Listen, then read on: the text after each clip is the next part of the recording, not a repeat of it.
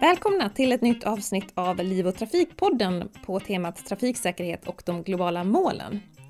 Den här podden görs av NTF Väst i samarbete med forskningsplattformen Safer. Jag heter Natalia Schako och det här är alltså andra delen i vår serie om trafiksäkerhet och de globala målen. Vill du veta mer om vad de globala målen är och vad trafiksäkerhet har med det att göra så kan du gå tillbaka till det första avsnittet med Claes Tingvall. Men du som känner att du har koll, lyssna gärna vidare för idag ska vi prata om varför trafikolyckor ökar i låg och medelinkomstländer och vad som måste till för att vi ska komma åt det här problemet. Och för att göra det så har vi tagit hjälp av en person som har mycket erfarenhet av området. Marie Hasselberg som är professor i folkhälsoepidemiologi vid Karolinska institutet i Stockholm och som kan mycket om trafikskador. Mitt eh, forskningsområde då handlar ju om olika typer av skador. Så att det både tittar på hur skador sker och hur man kan förebygga skador. Och jag har haft ett speciellt fokus på trafikskador i min forskning. Jag både har jobbat i Sverige och tittat bland annat på hur trafikskador fördelar sig i olika socioekonomiska grupper. Och sen har jag också jobbat mycket i låg och medelinkomstländer. Eh, både med eh, olika typer av trafikantgrupper. I Tanzania jobbar jag till exempel med motorcyklister, motorcykeltaxiförare. Men när du har tittat på trafikskador både i Sverige och i andra länder, har du sett någon förändring över tid? Eh, ja, tittar man på, ja egentligen globalt så ser man ju att i höginkomstländer så har ju dödsfallen minskat över tid medan det i låg och medelinkomstländer ökar. Och eh, där vi ser att det också är en ökad eh, trafik eller motorisering i de länderna och då ökar också antalet skador. Men sen ser ju skadebilden också annorlunda ut. För i låg och medelinkomstländer är det mycket högre utsträckning sårbara trafikantgrupper så det är mera fotgängare, cyklister, motorcyklister som skadas. Och ofta i krockar med tung trafik som mera lastbilar och bussar. Medan det i höginkomstländer är framförallt i bilen då som, bil, som antingen som förare eller som passagerare. Och vad är det för ehm, skador ehm, eller typ av olyckssituationer som det handlar om då? Det är också lite olika olika länder då, men om man tittar i eh, många av de eh, länder som jag jobbar med så i, Afrika så är det ju mera, alltså dels är det de som är med hög hastighet som leder till dödsfall på en gång. Eh, och sen är, är det ofta då, som jag sa, krockar mellan sårbara trafikantgrupper. Så till exempel i Tanzania så är det väldigt mycket motorcykelskador och dödsfall till följd av det. Så det är antingen en, en långtradare eller lastbil eller bil som krockar med en motorcykel. Och då får det ju väldigt allvarliga konsekvenser i, i form av både invärtes skador men också huvudskador i många fall. Kan man säga ungefär hur stor omfattning det ökat? Nej, inte, ja, det, alltså det är väldigt svårt eftersom data över tid också är svårt, svårt att ha så säkra data över tid. Eh, det finns säkert de som kan säga hur mycket det har ökat också, men det vi nu ser är att det är högst i de afrikanska, många av de afrikanska länderna. Så de ligger ungefär på ja, drygt 26 per 100 000 invånare och där Sverige ligger på 2,7 per 100 000 invånare, så det är en väldigt stor skillnad i antal döda. Kan man säga någonting om varför det ser ut på det sättet? Antalet fordon har ju ökat, även om det, de ökar ju mest i medelinkomstländer, ska man väl säga. Men eh, det är också så att Eh, utvecklingen av transportsystemet hinner inte riktigt med heller, utan antal fordon som ökar, ökar mer än, än att man hinner bygga ett säkert transportsystem med vägar. Och då ska man också komma ihåg att vägar är något bra i de länderna. Så att att bara att man får tillgång, hela infrastrukturen är ju någonting positivt för det gör ju också att man kan ta sig till skolan och man kan ta sig till sjukhuset. Så att vägar är något väldigt positivt. Men det är också så att eh, trafikens trafiken är liksom sammankopplat med ett modernt samhälle. Och det är någonstans där vi också måste se på det på ett annat sätt. Att det är inte liksom lika mellan ett modernt samhälle och ett eh, motoriserat samhälle, om man ska säga det. Men, men, det blir också så att prioriteringen blir mera på eh, privata bilister och bilar än vad det blir på eh, kollektivtrafiken i många länder. Och det är också så förstås att de som har mera pengar har råd med en bil och de som har mindre pengar är mera sårbara trafikanter. Eh, så det gör ju också att den här, vad man satsar på, det är lätt att kanske blir ett större fokus på att prioritera bilister än att prioritera kollektivtrafiken i många av de länderna. Men finns det något exempel där man faktiskt har lyckats bra och, prioriterat kollektivtrafiken eh, och lyckats skydda fotgängare på ett bättre sätt? Ja, det finns flera exempel på när man försöker göra det. Sydafrika har man bland annat eh, startat liksom busstrafik också. Man försöker göra det i flera länder. Eh, men eh, det är fortfarande så att det behövs liksom ett mer systemperspektiv på det här. Därför att det är så många krafter som, som är aktörer samtidigt i de här, många av de här länderna och många utländska krafter också som kommer in. Och, Eh, I Tanzania, i Dar es Salaam, huvudstaden, har man byggt mycket gångbroar till exempel. Och de, de är framför allt utlandsfinansierade, men och där vill man ju separera fotgängare från trafikanter. Eh, andra, alltså mer mot trafikanter. Eh, men då blir det också så att de här broarna byggs med ganska branta trappor upp och långa gångvägar upp till broarna. Vilket gör att de som är äldre och de som både de som är äldre och, och har nedsatt funktion använder inte dem utan de går fortfarande rakt över vägen. Men också de som har bråttom. Så det är även unga som tycker att det tar för lång tid att ta gångbron så att de fortsätter att ta, mm, gå över vägen nedanför gångbron. Och då blir det ju också så att det ofta är snabbare trafik under gångbroarna för de har där de har byggt som har identifierat som eh, ändå ställen där det sker mycket olycksfall eller många skador. Så, det finns många, många sätt där man försöker, men i, i Tanzania har man också försökt att separera. Man har gångvägar till exempel. Så vid sidan av vägen har man också både cykelvägar och gångvägar. Så att man, man försöker på olika sätt. Men vad ser du som de största utmaningarna för att man ändå ska komma till bukt med det här problemet då? Eh, alltså jag tror man måste jobba med byggande där i kunskap så att man vet. För att det är nästan alltid så när man börjar jobba med trafiksäkerhet i land så är det väldigt mycket fokus på individen. Så det är väldigt mycket fokus på att göra folk att köra mer försiktigt eller att bli mer försiktiga.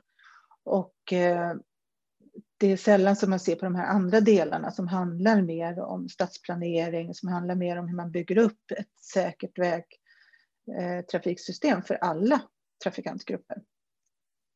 Så jag tror att man, man måste jobba där för att nästan alla börjar prata om utbildning när man kommer dit. Att det är det som är vägen framåt, att man måste utbilda folk.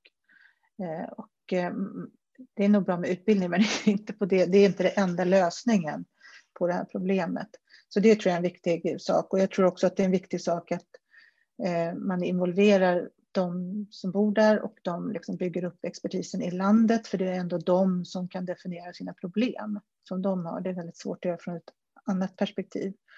Eh, och sen att man inte tro, att, liksom, att man inte tänker att den enda lösningen är att låginkomstländer ska bli höginkomstländer. Det är, liksom inte, det är inte det enda sättet att få ett trafiksäkert samhälle, utan det finns andra sätt att bygga upp det vi måste tänka på ett samhälle som kanske är mer hållbart på sikt och inte bara tänka på, ska det vara ett modernt samhälle så ska det vara ett motoriserat samhälle eller som så. Så det, det är nog också en, en viktig sak tycker jag i det här. Eh, och att man är liksom, redan när man bygger upp infrastrukturen så måste man tänka på de sårbara trafikantgrupperna. Man måste tänka på både fotgängare förstås, men, men cyklister och sen så i, i de här länderna som har väldigt många eh, motorcyklar. Där måste man också tänka på det, för där är det också så att motorcykeltaxi är ju ett sätt att få en inkomst. Så det är ju för den enskilda individen är det jätteviktigt att starta, att man har råd att köpa en motorcykel eller man hyr en motorcykel och så startar man en, en verksamhet och får inkomst till sin familj. Men i det här ligger också att det blir väldigt mycket risker genom att man förstås exponeras för trafik hela dagarna. Och även som vi har sett i våra studier att man vill, man vill ha många kunder under en dag. Så det gör ju också att man, tar, man jobbar långa timmar och man försöker tjäna så mycket pengar som möjligt. Vilket också förstås ökar risken den gruppen. Det tror jag är oerhört viktigt. Och sen tror jag också att det är um, Alltså om man tittar på skador överhuvudtaget, men speciellt trafikskador, så är det ju så att för den enskilda individen så, ser man ju, så är det en ganska ovanlig händelse. Eh, så att de ser kanske fördelarna med att köra fort eller att köra kanske lite mindre säkert som någonting som ger ett direkt fördel för dem. Eh, Medan kostnaderna för trafikskador ligger mer på en, på en samhällsnivå. Så samhället vill ju tjäna på det, men för att få individen att förstå att det här är viktigt, och finns så många andra prioriteter, i, eh, speciellt i låg och medelinkomstländer, att man, och låginkomstländer speciellt, att man har, jag menar det är klart att det är viktigare att man får mat till familjen eller att man får inkomst än att man är trafiksäker. Så att man kan inte heller, det måste man också tänka på, var ligger förklaringarna till att det här ser ut som det gör?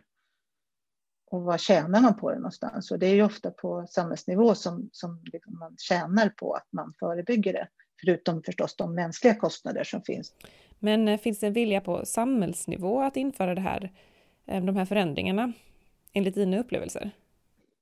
Ja, men det tror jag att det finns. Alltså, det beror alldeles på hur man diskuterar. Det finns naturligtvis det i de flesta länder och tittar vi på de globala målen så är det lätt att ställa sig bakom. Men sen när det kommer till att man ska implementera det eller liksom genomföra det, då kommer det ändå vara så att det står vissa maktförhållanden mot varandra. Eh, och då är det ju ändå så att om man har en stark bilindustri så kommer de att vara liksom drivande att, att det också ska prioriteras i att de har lätt att komma fram, att det är infrastrukturen. Och det betyder ju också för ett land att man måste ha en, eh, ett transportsystem med en infrastruktur som gör att man kan transportera gods, att man kan transportera saker. Att det, som jag sa förut, att det är väldigt, väldigt viktigt i hur man kan röra sig i ett land och hur man kan ta sig till utbildning och sjukvård. Så det är klart att det är väldigt viktigt också. Så att det, det, det, hela tiden när man kommer till vilka åtgärder man ska genomföra så blir det ju en diskussion mellan olika parter. Eh, och då kanske det också är de som är starkare som har mera röst i det. Eh, och det var det jag sa förut, jag tror att de alltså sårbara grupperna av trafikanter eller sårbara trafikanter, eh, de är ju kanske speciellt i låg och medelinkomstländer så är det de som också är fattigare och kanske har mindre resurser. Så de kommer också ha mindre att kunna säga till om i den här diskussionen. Som jag tolkar dig rätt ehm, så handlar det om jämställdhet och att minska fattigdom för att komma åt det problemet, att oskyddade trafikanter skadas. Ja, alltså till, till viss del så absolut om man ska minska fattigdomen och minska skillnaderna, men det är ju en väldigt svår sak att göra. Så att det kan ju också eh, handla om att man faktiskt minskar olikheten i exponering till trafik, alltså till risker. Och bygger man ett system där man inte har så mycket exponering för risker, då blir ju det säkrare för alla grupper. Så alla den typen av liksom, det som vi kallar för mer generella åtgärder eller mer passiva åtgärder som eh, att man bygger in säkerhet i bilen till exempel, det, det är ju någonting som gynnar alla som använder den. Sen kan man väl säga att jag har det har satsats väldigt mycket pengar på att göra bilen säkrare inom, inuti bilen med säkerhetsbälten och airbags och så, eh, som har varit väldigt effektivt. Och det kommer ju också vara effektivt i låg och medelinkomstländer, för de, där ökar ju liksom antalet bilar väldigt mycket. Men där behöver man också säkra utanför bilen, så att vi kommer inte ha samma effekt som här på kort sikt, därför att det är så viktigt att säkra miljön för, för fotgängare och eh, sårbara trafikantgrupper. Men om man jämför låginkomstländer med medelinkomstländer, Eh, är det någon skillnad på de olika utmaningarna? Eller är det ungefär eh, samma utmaningar som de står inför? På sikt är det nog det, men nu medelinkomstländer, där ökar ju antalet bilar mycket snabbare. Så där, där står man ju för det problemet. Eh, och i låginkomstländer så handlar det också om att man har olika typer av trafikantgrupper på samma yta. Så man har de som rör sig väldigt långsamt och de som rör sig väldigt snabbt på samma yta. Så det blir ju mer en ökad risk för, ja, för egentligen för båda för att det blir en rörigare trafik, liksom, trafiksituation, men framför allt för de som är sårbara. Men, men jag tänker det här med de globala målen. Det är ju ganska ambitiösa mål. Um, vad, vad tror du om det? Vad tror du att vi kommer kunna uppfylla dem?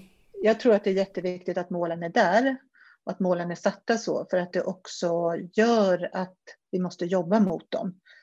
Eh, det är svårt att säga om man kommer att kunna uppnå dem. Det har man ju ändå bedömt att man borde kunna göra om man då genomför alla de åtgärder som vi vet är effektiva. Eh, men eh, så att jag tror att det är bra att målet är där och eh, trafik har ju inget eget mål. Det, är ett, det där är ju ett undermål för hälsomålet då, vilket är viktigt. Men sen har man bedömt att trafik ändå relaterar till så många mål, så att det relaterar ju också till målen om Eh, inkluderande städer, hållbara transporter. Så, så det är väldigt många mål egentligen som eh, har någon slags anknytning till trafik. Och det är ju det som de globala målen är, att man, ska tänka på målen, eh, flera mål tillsammans, inte bara att man jobbar med ett mål, utan man måste på sätt se hur de här målen kommunicerar med varandra. Och där är det ju väldigt viktigt just för trafiken, om man tittar på, på samtliga mål, hur de kan påverka en säkrare trafikmiljö. Och det sa alltså Marie Hasselberg som är professor i folkhälsoepidemiologi vid Karolinska institutet. Och för fler avsnitt på temat trafiksäkerhet och de globala målen så håll utkik här på livochtrafikpodden.se där vi släpper nya avsnitt varannan vecka.